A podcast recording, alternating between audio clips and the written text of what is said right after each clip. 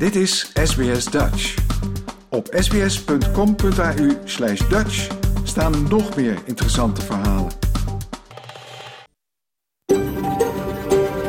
SBS, a world of difference.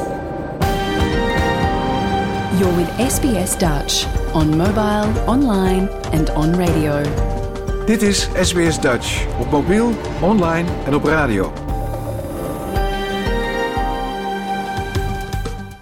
Graag erkennen wij de traditionele eigenaren van het land van waar we vandaag uitzenden.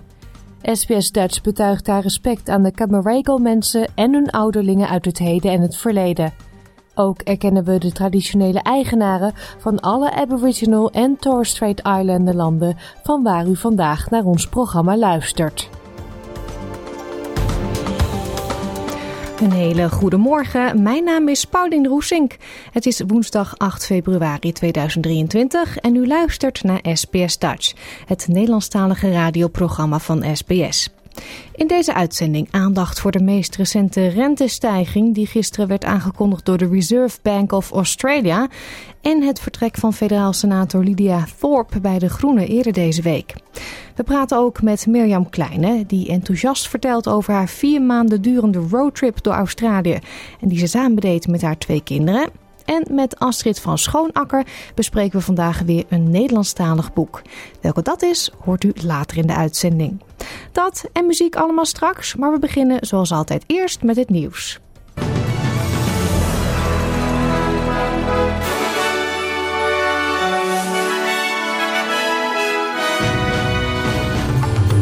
Dit zijn de headlines van het SBS Dutch nieuwsbulletin van woensdag 8 februari. Dodental aardbeving in Turkije oploop, opgelopen tot boven de 7000. Pasgeboren baby onder het puin gehaald in Syrië. En Nederland levert samen met Denemarken en Duitsland oude tanks aan Oekraïne.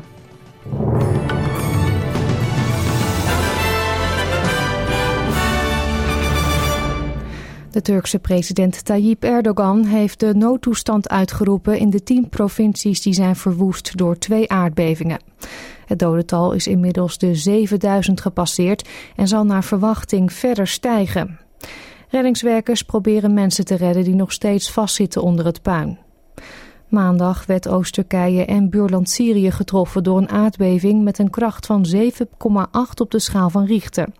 Niet veel later volgde een aardbeving met de kracht van 7,6 op de schaal van Richter en meerdere zware naschokken. Het is de dodelijkste aardbeving in Turkije sinds 1999. Sera Kadigil, lid van de National Assembly van Turkije in Londen, deed een oproep aan de internationale gemeenschap om te helpen. The best thing I can do to help my people over there, uh, to repeat that uh, call for help. And we are calling for help from all over the world, all of the people, because this is not going to be over over one night. This is not going to be over when all the people or their dead bodies are rescued from these buildings. There are going to be a, a long period of time. They are going to need housing. They are going to need food. De Syrische ambassadeur bij de Verenigde Naties heeft de internationale gemeenschap gevraagd om Syrië niet te vergeten. Ook dat land werd zwaar getroffen door de bevingen. Ambassadeur Bassam Sabah zei ook dat alle internationale hulp voor slachtoffers van de bevingen moet worden gedaan in coördinatie met Damascus en dat de hulp moet worden geleverd vanuit Syrië, niet over de Turkse grens. Hij legde uit waarom Damascus zich al lange tijd verzet tegen humanitaire hulp uit Turkije. Bab al-Hawa is not controlled by the government, is controlled by Jabhat al-Nusra. So you are asking me about something which is out of our control. It's the international law. It is the UN Charter. It is a position of each and every country who are keen to maintain sovereignty, independence and territorial integrity. So it's a principle. VN-woordvoerder Stefan Duaric zegt dat de hulpstroom van Turkije naar Noordwest-Syrië tijdelijk is gestopt vanwege schade door de bevingen. It's a chaotic situation. Things people also need to, to recover. We will move as fast as possible. I know the Syrian authorities are moving also as fast as, as possible. There's goodwill on all sides, uh, but you know you're, you're dealing here with uh, a, a on top of a humanitarian crisis that already existed.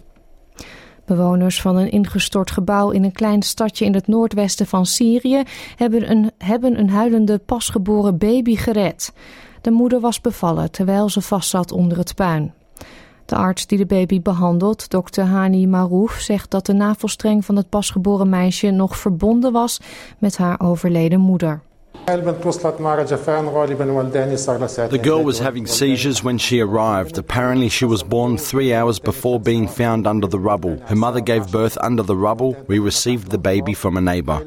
The girl has a large bruise on her back and it is swollen. She was probably subjected to high pressure or something fell on her under the rubble. It is clear and a large bruise. There are also bruises in the ear, the face, the forehead, and there are other bruises on the ribs. Helaas zijn alle familieleden van de baby omgekomen onder het puin. Federaal minister van Financiën Jim Chalmers zegt, dat er zegt er zeker van te zijn dat Australië een recessie zal vermijden, ondanks de prognoses die een vertraging van de economie laten zien. Na het besluit van de Reserve Bank gisteren om de rente met 25 basispunten te verhogen tot 3,35 procent, gaf de centrale bank aan dat er dit jaar nog meer renteverhogingen nodig zullen zijn. We need to get on top of this inflation challenge in our economy, which is doing such damage to household budgets and to the economy more broadly. I speak frequently with the banks uh, about the pressure on their home loan part of their business. Uh, some people uh, have some buffers in their home loans, but a lot of people are really feeling the pinch uh, from these interest rate rises.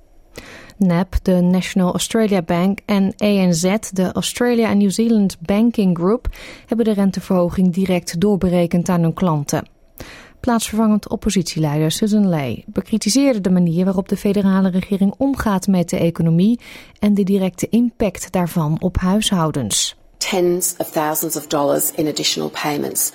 That they may not have budgeted for. Now, we know that Labor took more spending into the election.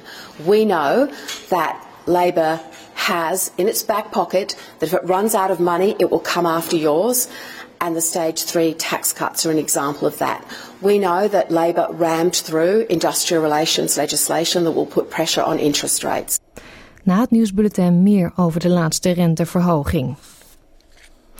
De federale minister van Volksgezondheid, Mark Butler, zegt dat de Australische Technische Adviesgroep voor Immunisatie, de ATAGI, een boostervaccinatie aanraadt voor mensen van wie de meest recente COVID-19-vaccinatie of infectie zes maanden of langer geleden was, ongeacht hoeveel eerdere doses die persoon heeft gehad. Gezondheidsexperts adviseren ook iedereen ouder dan 65 jaar, jonge volwassenen met meerdere langdurige medische aandoeningen, handicaps of complexe gezondheidsbehoeften een boosterprik te halen. Aan kinderen onder de 18 jaar wordt geen extra booster verstrekt, behalve dan aan kinderen van 5 jaar en ouder die gezondheidsproblemen hebben, waardoor ze het risico lopen op ernstige ziekte. Uit een rapport blijkt dat het aantal klachten over telefoon en internet is toegenomen en dat het datalek van Optus een aanzienlijke impact heeft gehad op consumenten. Het klachtenrapport van de ombudsman voor de telecommunicatieindustrie dat vandaag wordt gepubliceerd toont een toename van 9,9% in het aantal ontvangen klachten tussen oktober en december 2022. Particulieren en kleine bedrijven dienden bijna 18.000 klachten in over de hek en bekendmaking van persoonlijke informatie. Klachten over niet-financieel verlies, zoals stress en vernedering door privacy schending, namen volgens het rapport ook aanzienlijk toe. Het Oekraïense parlement heeft een nieuw nationale politiechef en minister van Binnenlandse Zaken in Kiev aangesteld. Ihor Klimenko is de nieuwe minister van Binnenlandse Zaken en Vasil Maliuk is het nieuwe hoofd van beveiliging. Ondertussen zijn Denemarken, Duitsland en Nederland het eens geworden om samen tenminste 100 oude tanks, die nog bij de Duitse defensieindustrie staan, op te knappen en te leveren aan Oekraïne. De Oekraïense president Volodymyr Zelensky bedankte de landen voor hun militaire steun. The recent decisions taken by the Tank Coalition in cooperation between our European friends and our Ministry of Defence can really give us parity. Not an advantage, though, in the battlefield, but for this one needs to understand that everything depends, as always, on the time frame, on the amount, and on the up to dateness of the tanks the Tank Coalition offers. Sport dan. Xavier Cooks van de Sydney Kings is verkozen tot de meest waardevolle speler van de National Basketball League voor het seizoen 2022-23.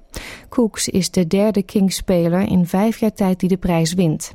Iedere winnaars waren Jalen Adams en Andrew Bogut. De 27-jarige scoorde gemiddeld 16 punten per wedstrijd, 7 rebounds en 4 assists. De Sydney Kings eindigden bovenaan in de competitie en doen deze week mee aan de playoffs. Cooks heeft aangegeven dat er interesse is van NBA-scouts in Amerika. De wisselkoers dan. Voor 1 Australische dollar krijgt u momenteel 65 eurocent. En 1 euro is op dit moment 1,54 dollar waard.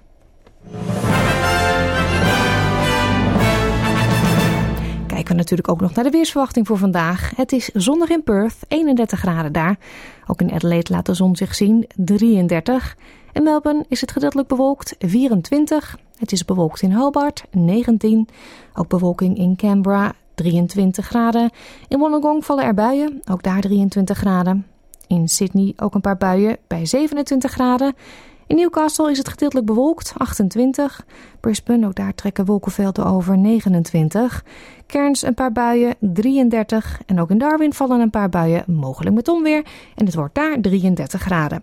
Dit was het SBS Dutch News.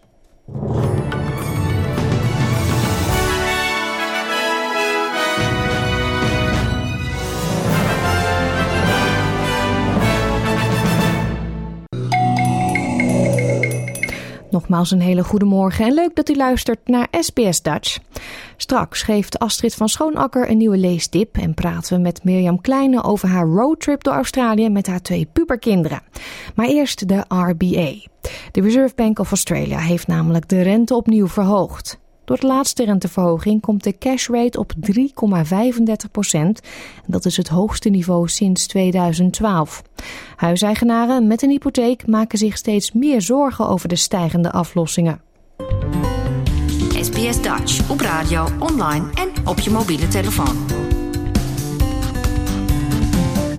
Hypotheekhouders komen verder onder druk te staan nu de Reserve Bank of Australia opnieuw een renteverhoging heeft aangekondigd. De RBA heeft de contante rente voor de negende achtereenvolgende maand verhoogd in een poging om de hoge inflatiecijfers te bestrijden. De bank heeft aangegeven dat er waarschijnlijk meer verhogingen zullen komen. De contante rente is nu 3,35 procent en dat is het hoogste percentage sinds 2012. Er wordt dan ook gevreesd dat de steeds duurder wordende hypotheekaflossingen voor veel Australiërs onbetaalbaar zullen worden. Voor huiseigenaar Queenie Wong is dit al zover.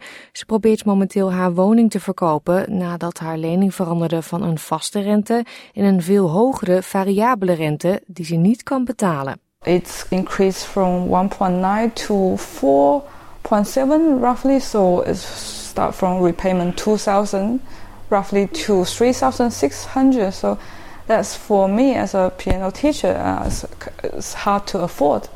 Deskundigen adviseren hypotheekhouders echter dat als ze niet tevreden zijn met de tarieven van hun lening, er mogelijk opties zijn om te herfinancieren.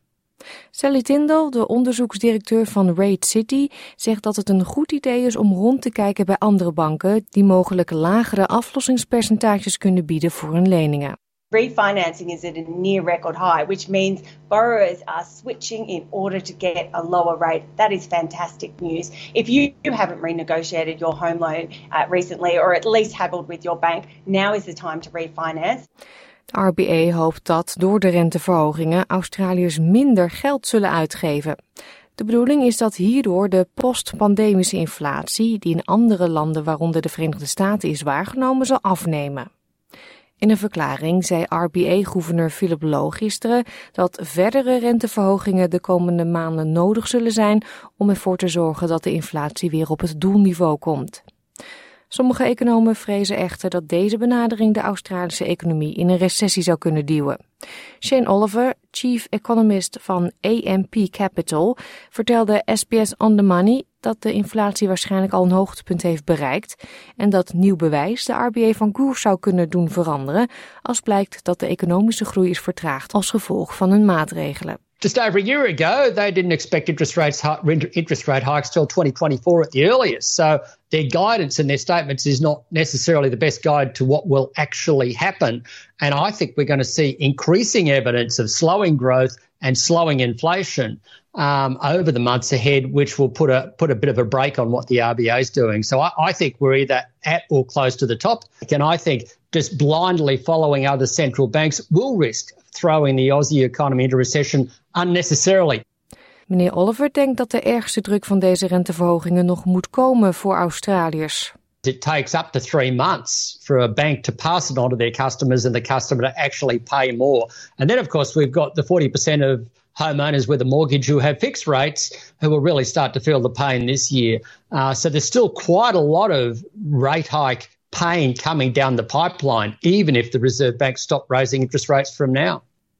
Taylor Blackburn, expert op het gebied van persoonlijke financiën bij Finder, zegt dat uit hun gegevens blijkt dat hypotheekhouders in heel Australië de druk van deze verhogingen al voelen. We've been tracking this for the last four years.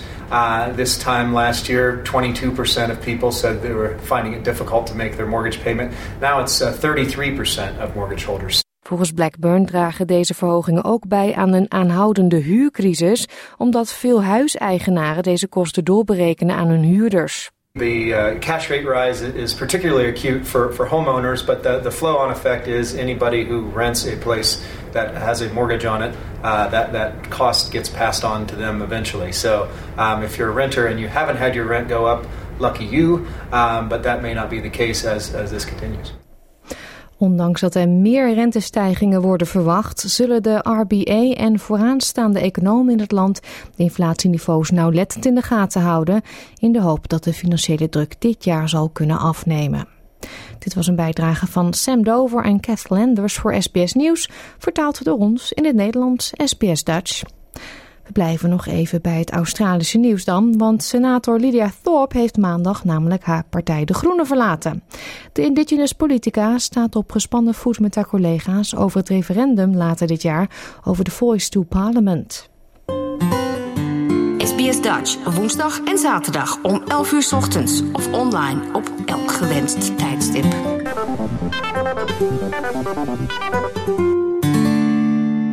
Maandag was de eerste zitting van het federale parlement dit jaar. Premier Anthony Albanese greep deze gelegenheid aan om op te roepen tot eenheid over de stemming in het referendum. Maar die oproep kwam te laat voor de Groenen, want crossbencher senator Lydia Thorpe kondigde haar vertrek aan vanwege oneenigheid over dit onderwerp. On stolen land, of course. I've told Greens Adam Bant and the Senate President that I am resigning from the Greens to sit on the Senate crossbench. This country has a strong grassroots black sovereign movement full of staunch and committed warriors. And I want to represent that movement fully in this parliament. Tot op heden was Lydia Thorpe de woordvoerster van de Groenen over First Nations kwesties. Ze zegt dat ze er naar uitkijkt dat ze nu vrijer kan spreken over zaken die Aboriginal Australiërs aangaan. Now I will be able to speak freely on all issues from a sovereign perspective without being constrained by portfolios and agreed party positions. Greens MPs, members, and supporters have told me they want to support the voice. This is at odds with the community of activists who are saying treaty before voice. This is the message delivered on the streets on January 26. This is the movement I was raised in. My elders marched for a treaty. This is who I am. Senator Thorpe liet zich uit tegen een voice to parliament tijdens een Invasion Day protest op 26 januari in Melbourne. Het is dan ook steeds onwaarschijnlijker dat zij het referendumvoorstel zal steunen.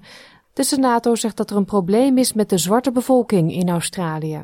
There is a black sovereign movement out there that no one wants to listen to.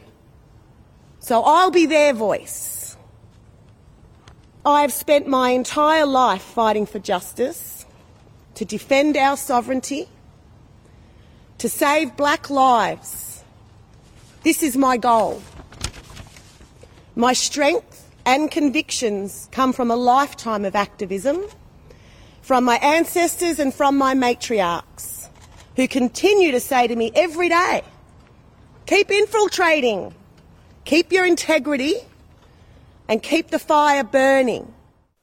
Adam Band, de partijleider van de Groenen, noemde het vertrek van Thorpe een trieste dag voor zijn partij. I'm truly sad to see her leave the Greens. Um, Senator Thorpe leaves the Greens with an enormous amount of respect. She is a fighter for her people.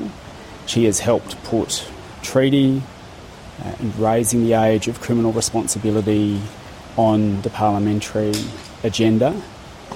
I made it clear to Senator Thorpe that uh, she still had a place in the Greens. De partijleider zegt dat hij geprobeerd heeft een compromis te vinden. I made it clear to Senator Thorpe that uh, she still had a place in the Greens and that uh, she that wish her to continue in the Greens, including as the party's First Nations spokesperson.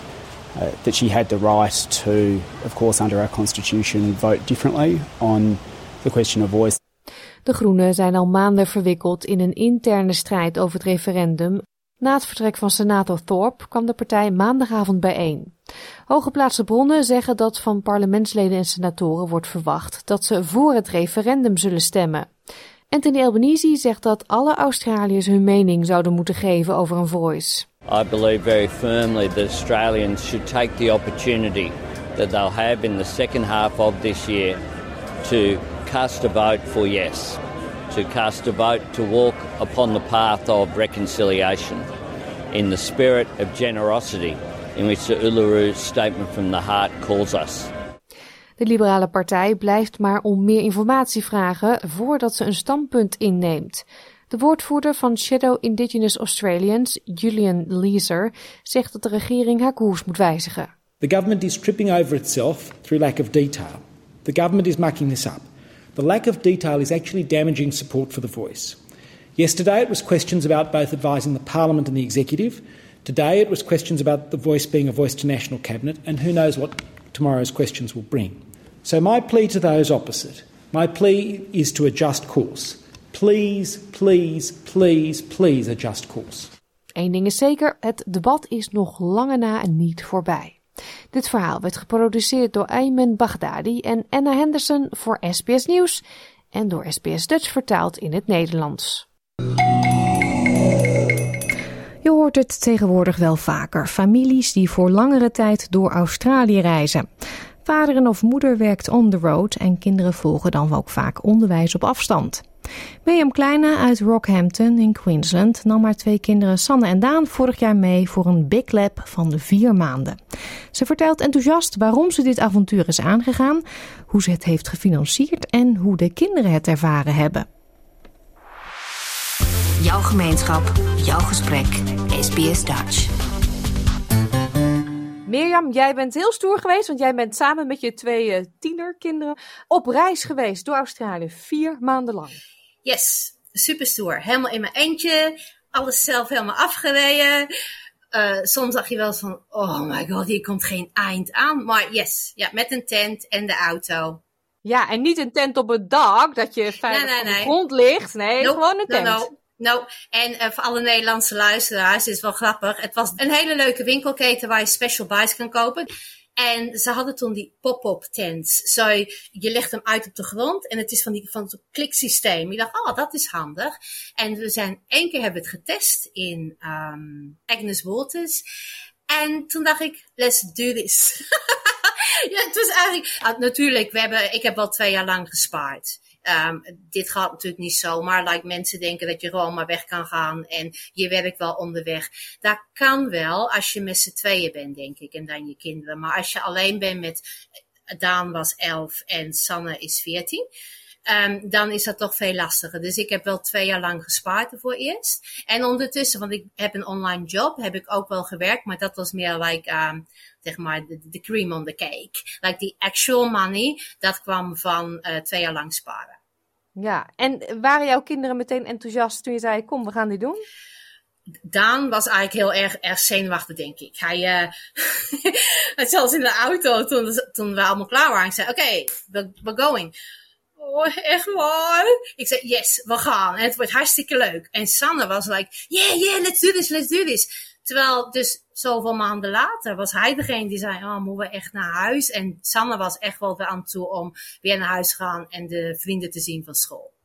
Mm Er zijn daar heel veel gezinnen tegenwoordig die reizen door het land. En, uh, en ondertussen werken ouders of niet. Dat, die hebben ook heel hard gespaard. Mm En wat was voor jou de reden om te gaan? Um, ik wou San en Daan laten zien waar Rob en ik gereisd hebben. Bijna twintig jaar geleden. Hele lange terug. Uh, zo, Rob is hun vader. En uh, mijn partner is overleden drie jaar geleden. En toen dacht ik al van, we moeten wat gaan doen, zodat ze in ieder geval dit land zien.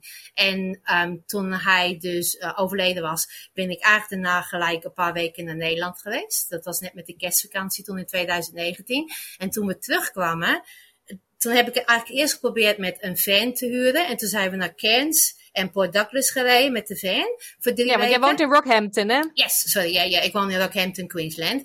En dat ging eigenlijk hartstikke goed. En toen dacht ik, oké, okay, dit gaan we doen. En eerst dacht ik eigenlijk altijd al gewoon weer een van huren. Maar dat is onwijs duur. Voor, you know, dat, dat doen we dus niet. En toen kwam die tent op. dacht, oké, okay, dat doen we. Dat doen we gewoon leuk. Dan gaan we gewoon met de auto en de tent. En dan kijken we wel. En ja, het ging goed. Ja, je hebt mij je uh, rondje laten zien. Je hebt nogal wat afgelegd in uh, vier maanden tijd. Yes, yes.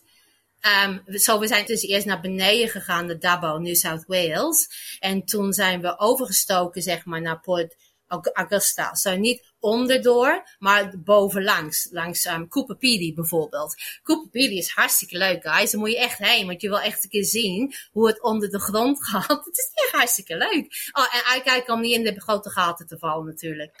Oké, okay, zo, van Cooper Pedy gingen we daarna naar... Um, oh, like I said, Port Augusta en toen omhoog naar Alice Springs. Nou, of course, het idee is dan om eerst naar Uluru te gaan.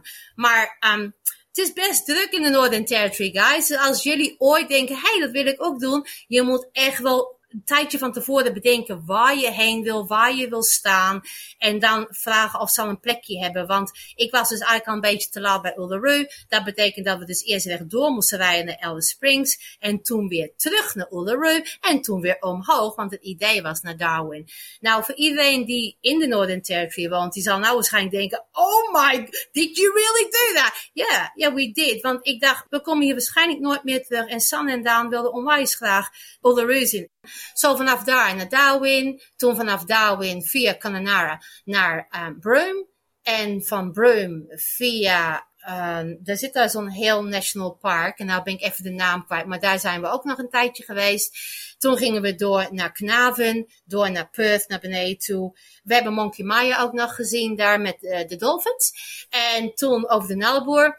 De Nullarbor was... Uh, je, wordt er veel banger voor gemaakt dan wat het eigenlijk is, right? Want het is 1200 kilometer en dat is helemaal niks. Ik denk, oh my god, er is helemaal niks. Wat als er wat gebeurt? Maar dat is dus niet helemaal waar. Want er, is, er zijn eigenlijk genoeg benzinestationen. Je moet het een klein beetje uitplannen en het is easy.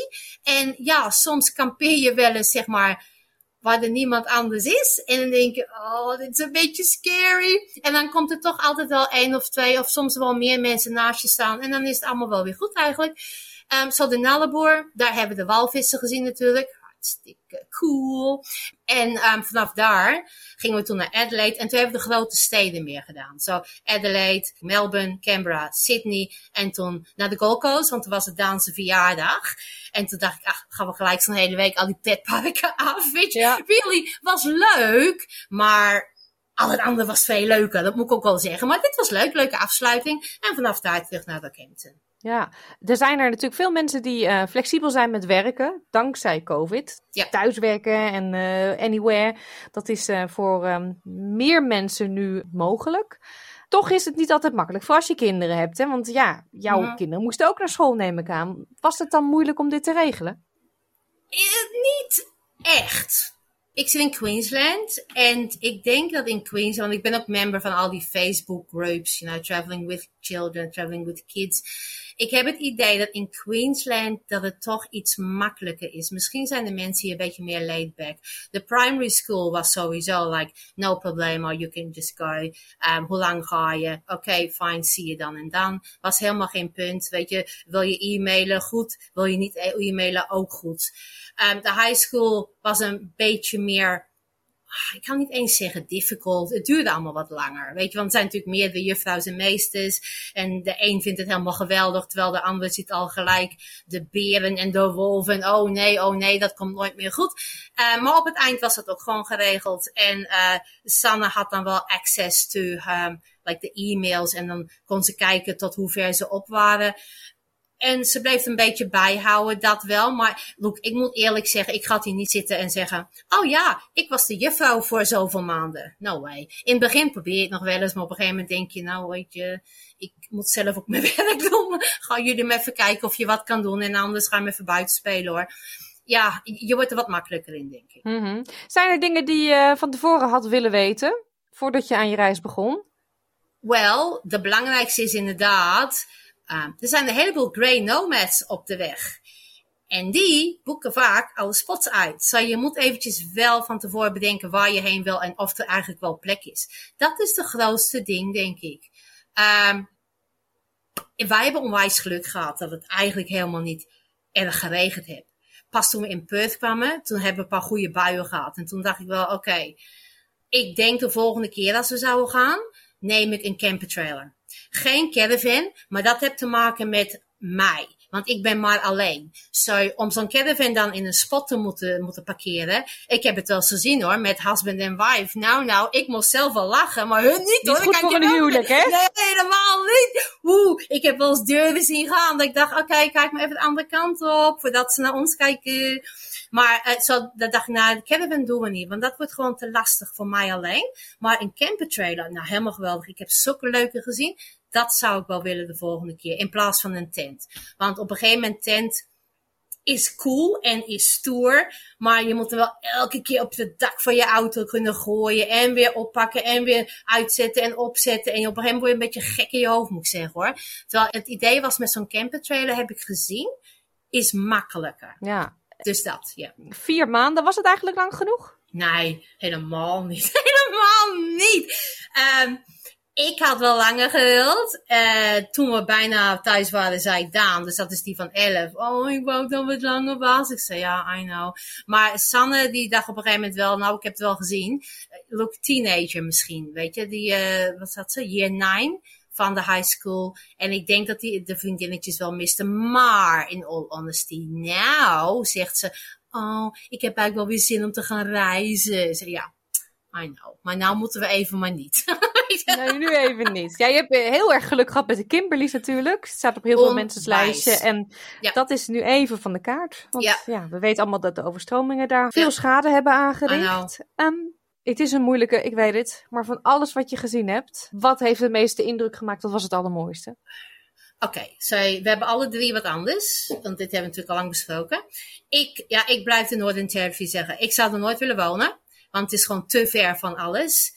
Maar het is gewoon mooi daar. Het is gewoon echt mooi. Alles is mooi daar. Weet je, je gaat naar de McDonald Ranges. En je gaat natuurlijk naar um, Uluru. En je gaat naar de Olga's. En yes, I know that's not the Aboriginal name. Maar ik kan mij eigenlijk niet zo goed wat die andere naam is. There you go, that one. Um, moet je definitely doen. Dat vonden San en Dan helemaal geweldig. En ja, het is gewoon een wijs leuke trip.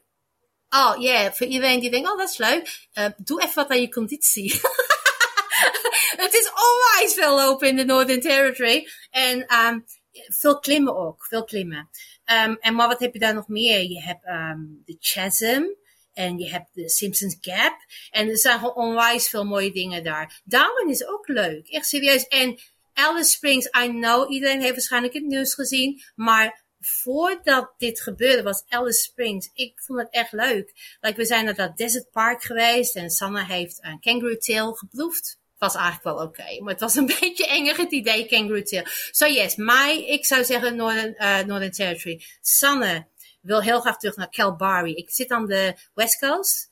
het is zeg maar in het midden van Perth en, en Broome. Is dat waar je dat mooie park hebt met zo'n window waar heel veel mensen foto's maken? Ja, ja daar wel, yes. Ja. ja. daar zijn we ook geweest. Maar we zijn er heel snel doorheen geweest. Dus we zijn nog terug. En Daan is helemaal weg van Perth. So yeah, I would say het is de Western Australia en de Northern Territory. Dat is voor ons. Maar ja, om er te wonen is een beetje anders, want het is echt ontzettend ver weg. Toen we gingen reizen vanaf, zeg maar, dat came to Northern Territory, was all like, yeah, yeah, all okay, no problem. En toen kwam Western Australia, oh my, dat is lang. Dat is echt lang. En je ziet de dagen, zie je echt niks. Echt niks. So yes. Oh, maar toen zat jij wel in een auto met een 14 en een 11-jarige. Ja, I know. Hoe overleef je dat? Ja, look, um, ze hadden wel de tablets mee. Dat, dat wist ik al van tevoren, want ik wist van hoe 20 jaar geleden hoe ver het al is. So, iedereen die dan zegt, oh nee, no um, technology. Dan denk ik, nou weet je, misschien moet je dat nog even een keer rethinken gewoon. Want no technology is hartstikke leuk, totdat je echt in die auto zit en je zit dagenlang dat je alleen maar moet rijden. Dan is technology best wel een savior. Ja. Wat een geweldig avontuur en dankjewel dat je daarover wilde vertellen, Mirjam. No problem. No problem. Ik zou het iedereen aanraaien. Echt waar. Nou, misschien niet met een tent, you know, maar als het geen radio was, zou ik de tent laten zien. Het is hartstikke cool en hij leeft nog steeds. Ja. Nou ja, het is radio, maar we hebben een website. Daar zetten we natuurlijk gewoon even die foto op dan. Mensen zijn vast nieuwsgierig geworden nu. Oké, okay, yeah, sure. no problem. Ja, en die foto van Mirjam haar tent is te vinden op www.sbs.com.au Dutch. Wat een prachtig verhaal en ook zo heerlijk enthousiast verteld. Astrid van Schoonakker verzint iedere maand een hele stapel boeken en bespreekt er dan eentje hier met ons. Eentje waarvan zij vindt dat die echt de moeite waard is. Vorige maand bespraken we een hele dikke pil over het leven van Erasmus. Dit keer een klassieker van één van de grote drie. Harry Mulisch, Willem Frederik Hermans of Gerard Reven. Welke dat is, u hoort het nu. Dit is SBS Radio Dutch. Normaal eh, zit jij wel eh, bovenop nieuwe boeken en zo, maar dat is uh, vandaag niet het geval. Hè? We gaan een echte klassieker bespreken. Klopt, ja. En het boek in uh, 71 geschreven, dus het boek is nog ouder dan ik ben. maar ja, toch, toch heb ik daarvoor gekozen, omdat ehm, ik ehm, laatst voorbij zag komen dat een jonge, nieuwe, veelbelovende Franse auteur, Edouard Louis, die heel populair is in Europa, veel ook vertaald, die had aangegeven dat dit boek een van zijn favoriete boeken uh, was die hij in 2022 had uh, gelezen. En toen dacht ik, hoe kan dat nou? Hoe kan jij als jonge man, een Fransman, nou dit boek kennen, wat heel lang geleden in Nederland is geschreven? En toen ging ik eens kijken, toen, oh ja, de boeken van Eduard Louis worden in Nederland door Bezige Bij uitgegeven. En deze auteur, W.F. Hermans, werd dat vroeger ook. Um, WFM als een van de grote drie uh, wordt hij genoemd, hè, samen met uh, en Reven. Van uh, na de Tweede Wereldoorlog, belangrijk auteur. En uh, ik heb echt wel heel veel boeken van W.F. Hermans gelezen. En uh, zoals iedereen denk ik vroeger ook wel het Bouwdehuis. Want dat was een heel dun boekje wat je dan op je lijst kon zetten. En uh, daar weinig tijd aan kwijt was. maar ook het Zwaard van Damocles, de Donkere Kamer van Damocles is daar op gebaseerd. Dat werd ook verfilmd in die tijd, dus dat was ook handig om op je lijst te zetten. Maar daar werd ik toen wel door gegrepen. Dus ik heb veel van hem gelezen in, in die tijd dat ik op de middelbare school zat. Maar dit boek nog niet. Dus ik dacht, nou ja, als Eduard Louis dat dan een mooi boek vindt, dan uh, moet ik dat ook gaan lezen. Dus dat, uh, dat ben ik gaan doen. En, maar kwam je die dan toevallig tegen of had je die al ergens in de kast staan? Nee, die had ik nog niet in de kast staan. Maar uh, nou ja, gelukkig is dat veel uitgevers doen dat wel van klassiekers. Dat er om, blijkbaar worden ze nog wel regelmatig gelezen dat ze wat goedkopere paperbacks uh, daarvan uitgeven. En uh, die is dan ook gewoon nog verkrijgbaar. Dus die kan je gewoon nog bestellen bij de boekhandel of online. dus dat heb ik ook gedaan. En ja, toen ik het eenmaal ging lezen, toen dacht ik weer van, oh ja, we hebben hier te maken met echt wel een, een groot schrijver. En nou ja, dat vond ik vooral heel bijzonder aan, de vorm, want uh, ik heb de titel nog niet genoemd, hè, maar het gaat over het boek Herinneringen van een Engelbewaarder. En uh, wat Hermans daarin doet, dat, dat is heel erg mooi, goed gekozen en functioneel, is dat hij de ik-persoon, de verteller, de ik in het boek, is de engelbewaarder. En dat is de engelbewaarder van de hoofdpersoon uh, Bert Alberecht. En dus hij zit eigenlijk al in het hoofd van, van die hoofdpersoon. En in dat hoofd van die hoofdpersoon zit dus eigenlijk ook de duivel. En uh, daar heeft die engelbewaarder dan niet een dialoog mee, maar uh, die engelbewaarder wil natuurlijk het goede voor zijn uh, persoon die hij beschermt. Dus hij geeft allerlei adviezen. Maar dat doet die duivel natuurlijk ook. En nou ja, dan kom je natuurlijk in een soort conflict, hè, de hoofdpersoon ook. En naarmate ik het boek begon te lezen, dat speelt zich af aan het begin van de Tweede Wereldoorlog, toen dacht ik, ja, dit is eigenlijk geniaal gekozen, omdat in een oorlog krijgen mensen heel veel te maken met dilemma's. En uh, nou ja, dat, ik kom me daar ook een beetje in verplaatsen van wat er nu ook in Oekraïne gebeurt. Dat uh, ja, als je bijvoorbeeld iemand wil uh, beschermen of er gebeurt iets, dan moet je keuzes maken als mens. En ja, die zijn heel onmenselijk, maar ja, dan sta je wel voor dat soort keuzes. Dus dan is zo'n soort dialoog die hij gebruikt natuurlijk eigenlijk heel mooi zonder dat het uh, saai wordt dat je alleen maar gedachten van een hoofdpersoon op papier zet. En uh, nou ja, dat is bij dit verhaal ook. Het verhaal uh, begint op het moment dat de hoofdpersoon, die is 38 jaar en die is openbaar aanklager bij de rechtbank, dat hij zijn vriendin naar de Hoek van Holland brengt om haar daar op een boot te zetten die naar de Verenigde Staten zal vertrekken. En um, dat heeft te maken met het feit omdat die vriendin is Joods. En uh, ja, het wordt haar wel te heet onder de voeten. En Bertie vindt dat vreselijk, want die wil haar eigenlijk helemaal niet kwijt. En die is bang dat hij haar voor altijd kwijt zal raken. En die uh, vindt dat het allemaal, haar gaat allemaal wel meevallen. En, uh, maar ja, achteraf gezien is het maar goed. Sissy heet die vriendin dat ze natuurlijk in, wel op die boot is gestapt. Want ja, wat er daarna allemaal gebeurd is in de Tweede Wereldoorlog, had de kans dat ze het had overleven natuurlijk heel klein geweest. Dus hij heeft daar op de boot gezet en heeft afscheid genomen. En dan uh, moet hij terug naar de rechtbank, uh, waar hij een journalist moet aanklagen. Want die journalist heeft in een artikel een bevriend staatslid beledigd. Nou, dat bevriend staatslid, dat is Hitler. En dat is in die tijd, hè, net voor het uitbreken van de Tweede Wereldoorlog, is dat natuurlijk ja, bijzonder dat dan een journalist daarvoor aangeklaagd wordt. Omdat in Duitsland al het een en ander is voorgevallen nou ja, dan komt hij eigenlijk in een requisitor, heeft hij voorbereid en dan wilde hij hem ook eigenlijk gaan aanklagen. Maar dan komt hij toch door, nou ja, dat hij zijn vriendin um, weggebracht heeft en wat daar gebeurd is, komt hij dan een beetje in gewetensnood. En dan pleit hij toch uh, voor uh, dat de rechtsvervolging van verder gestopt wordt voor deze journalist. Waarom dat zo is, uh, daar wil ik een klein stukje van voorlezen. Want wat gebeurt er namelijk op de terugweg van de boot van Hoek van Holland naar de rechtbank? Dan uh, zit hij in de auto. En natuurlijk, zoals altijd, zit zijn engelbewaarder daar ook. Want ja, die is altijd bij hem. Het weiland aan de rechterkant van de weg, waar het paard graasde, lag kaal tot een rij bomen aan de horizon. Daar stond ook een windmolen, die niet draaide. Ik vroeg me af waarom de molenaar geen gebruik maakte van de gunstige weersomstandigheden. Harde wind en uw molen staat stil. Waarom laat God het dan waaien, dwaas? Ook de schepen worden niet meer voortgedreven door de wind. En daarom zijn de mensen dan ook zo goddeloos en ondankbaar. Ze laten de eeuwige weldaden van de hoge over zich heen gaan en stoken eigenzinnig hun stoommachines en dieselmotoren, die het zwerk met roet en stank verpesten. Alleen wij engelen vliegen nog op de wind. Zo mijmerde ik op de achterbank van Albrechts auto gezeten.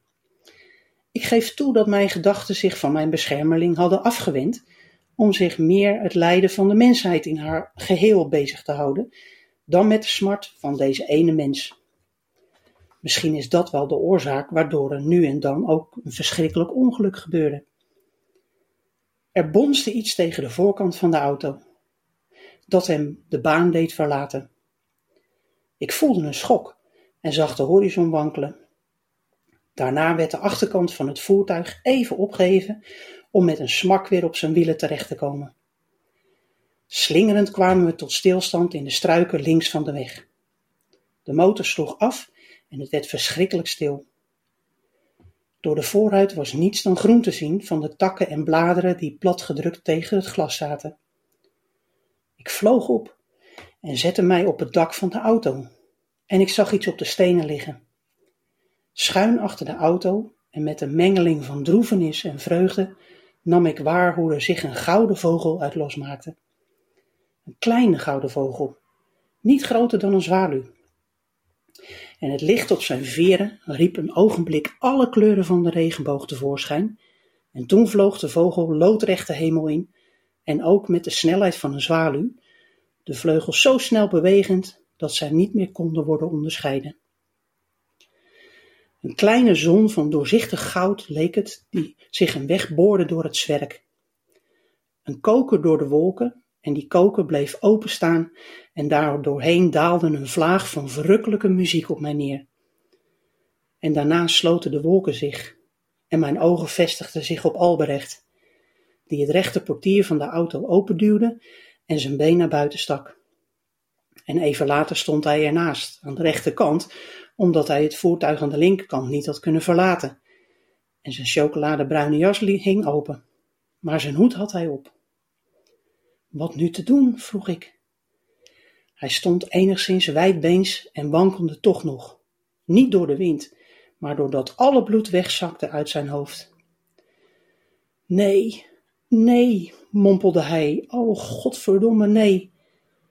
Toen liep hij met zijn open mond naar het kind dat hij had doodgereden. Nou, dit is uh, aan het begin van het boek, uh, want hij heeft net uh, die vriendin Sissy weggebracht naar de boot. En ja, hij heeft dus dit meisje daar doodgereden. En dat is ook nog eens op een weg waar hij eigenlijk niet mocht rijden, want dat is eenrichtingsverkeer, maar hij wilde snel bij de rechtbank zijn. Ja, en je kan je voorstellen dat dit uh, het moment is in het verhaal waar vandaan alles ontspint, want ja, dit is zoiets verschrikkelijks. En wat hij op dat moment besluit te doen is om dat kind uh, daar in uh, de greppel langs de weg onder de takken te dumpen. Waardoor hij eigenlijk al heel snel in gewetensnood komt. Want uh, hij hoort later ook nog van een van zijn beste vrienden dat uh, dat meisje toevallig daar in de buurt bij mensen ja, min of meer ondergedoken was. Dus ook een Joods meisje. En ja, hij twijfelt heel erg of hij daar uh, anderen wel of niet over zal vertellen. Maar hij besluit dat niet te doen. En hij wil zelf eigenlijk naar Engeland vluchten. Liefst ook nog naar Engeland, zodat hij nog op de boot bij Sisi kan. Dat hij misschien met Sisi dan weg kan vluchten. Maar ja, dan op dat moment, de volgende dag, dan uh, capituleert Rotterdam. Want dan uh, is Rotterdam gebombardeerd, zoals we dat weten. Is volgt dat tot capitulatie. Dus ja, dan ontstaat er een chaos in het land. Uh, waar hij natuurlijk ook, ehm, hij werkt bij de rechtbank als openbaar aanklager. En daar gebeurt ook van alles. Want ja, ze noemen dan de vijfde kolonne. Dat zijn mensen die al bij de NSB actief waren. Ja, wie kan je nog vertrouwen? Dat geldt ook bij de banken. Hij kan geen geld meer krijgen. Dus alles wordt bevroren. Dus ja, het is eigenlijk het hele boek is dan een eenschakeling van allerlei gebeurtenissen. Um, ja, waar eigenlijk zijn onmacht uh, in naar voren komt. En ook van uh, de mensen om hem heen. Want zo is zijn broer is kunstschilder. Maar die blijkt dan op een lijst van de Gestapo terechtgekomen te zijn. Dus die, ja, die probeert hij dan ook te beschermen. Die probeert hij ook naar Engeland te krijgen. Van nou ja, zullen we dan samen naar Engeland vluchten? Dus ja, het eigenlijk leest het, uh, het boek als een heel uh, spannend boek. En uh, ja, ik zal niet te veel verklappen, want dan, dan, dan, moet je het voor lezen. Maar het, het is echt heel lang geleden dat aan het einde van het boek, dan krijg je van de schrijver W.F. Hermans zo'n enorme dreun uitgedeeld. Dat wat er gebeurt, dat je echt een beetje zit te duizelen op de bank als je het aan het lezen bent. Dat ik dacht van wauw, dit kan hij als uh, geen ander. En uh, ja, dat maakt het uh, tot een hele mooie leeservaring. En wat ik ook zo leuk vind is, nou ja, ik zei al eerder, dit boek is natuurlijk in 1971 geschreven. En, um, ja, dat klinkt als gisteren, hè? maar dat is meer dan 50 jaar geleden. Ja, 52 jaar geleden. Maar, en soms aan het taalgebruik merk je dat. Maar ik, ja, ik persoonlijk vind dat best wel weer leuk. Want hij heeft het dan over bijvoorbeeld. Wij zeggen van nou, als je in de auto zit dan, en je schakelt, dan zet je, je de versnelling in zijn drie bijvoorbeeld.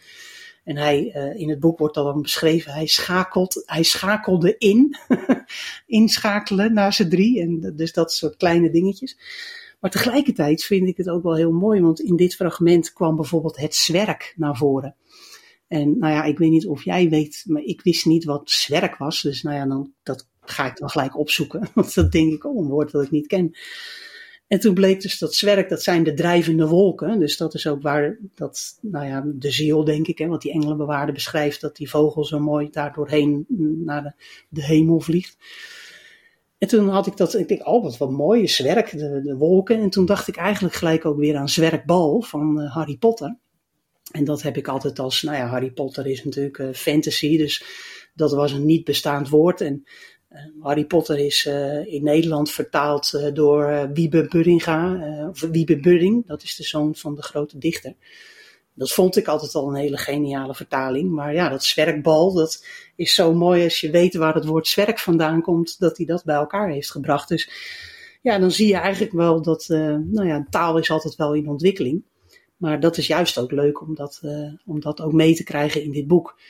Maar verder is het niet heel ingewikkeld geschreven dat er heel veel uh, woorden gebruikt worden die niet meer gebruikt worden. Want het leest eigenlijk gewoon als een trein, omdat het ook heel spannend is, het boek. Ja, uh, dankzij die jonge Franse schrijver dus. Je zei, ik heb er al heel veel gelezen van Hermans. Waar staat deze dan in, in het rijtje van Hermans? Ja, dat is een goede vraag. Nou ja, ik denk toch best wel. Uh, nou ja, ik vond uh, De Donkere Kamer van Damocles was altijd wel mijn favoriet. Maar dat is ook al heel lang geleden dat ik dat gelezen heb. dus misschien moet ik dat nog eens gaan herlezen. Maar dat, toen ik een jaar of 16, 17 was, vond ik dat helemaal te gek. En uh, ja, dat, ik denk dat ze aardig ja, dat ze samen op een gedeelde eerste plek nu staan. Ja. dat is, eh, ja, en wat ik ook heel bijzonder vind, dat heb ik ook eerder wel met, met Hermans ervaren, is dat in dit stukje komt dat ook wel een beetje naar voren, dat hij het heeft over, nou ja, de mensen die met hun dieselmotoren en uh, dat wij zo het zwerk vervuilen. En die voorspellende, dat voorspellende vermogen dat hij heeft, dat is eigenlijk heel groot. Want ik heb ook uh, toen ik nog studeerde, zijn laatste verhalenbundel heette De Laatste Roker gelezen. En daar komt een verhaal in voor. Um, en ik studeerde toen in Amsterdam en ik ging dan vaak met de metro. En op de metrostations mocht je gewoon roken. Dat, dat deed iedereen. Dat was helemaal, ja, gewoon. En hij had een verhaal over een wat oudere man die dan op het perron van de metrostation een sigaret aan het roken was. En die door twee eh, jongere dames, als een soort beveiligers beschreef hij toen, werd hij dus van het perron afgehaald en werd hij uh, meegenomen omdat hij daar een sigaret aan het roken was. En dat hij dus, dat was, ja, dat, dat een soort fictieve wereld beschreef hij, van dat, dat, dat mocht niet en dat was uit en boze. En dat was zo grappig, want dat was ergens, uh, nou ja, begin jaren negentig van de vorige eeuw. En toen dacht je, ja, dat zal toch wel niet zo gebeuren. maar dat is nu gewoon de werkelijkheid. Dus 30 jaar later, dat is wat eigenlijk, uh, nou ja, Hermans al schreef, dat, dat, is, dat komt gewoon uit. dus dat vind ik wel heel bijzonder. Die man die uh, had het wel uh, een goed, wat dat betreft, een beeld van de toekomst. Ja, een klassieker dus. Dit keer herinneringen van een engelbewaarder. Dankjewel Astrid. Graag gedaan. Alle, boekentip, alle boekentips van Astrid zijn zoals altijd terug te luisteren op onze website www.sbs.com.au Dutch. Klik bovenin op de tab Luister en ga dan naar de serie Astrid's Boekenkast. We komen hiermee aan het einde van deze uitzending. Al onze verhalen en podcastseries, waaronder ook de 12 provinciën, waarin we met Nederlanders in Australië herinneringen ophalen aan hun tijd in hun Nederlandse geboorteprovincie. Dit is nogmaals de website www.sbs.com.au Dutch. Heeft u smartphone of tablet, dan kunt u ook de gratis SBS Radio app downloaden. Dit kan in de App Store of Google Play. En SBS is natuurlijk ook te volgen op Facebook. SBS Dutch bedoel ik daarmee. www.facebook.com slash sbsdutch. Zaterdag zijn we er weer, zelfde tijd, zelfde zender. Dit uur sluiten we af met muziek geschreven door Annie M.G. Smit. Dit is Vergeet ons allemaal door de familie Doorsnee. Fijne middag. Wil je nog meer soortgelijke verhalen? Luister via Apple Podcasts, Google Podcasts, Spotify of waar je je podcasts dan ook vandaan haalt.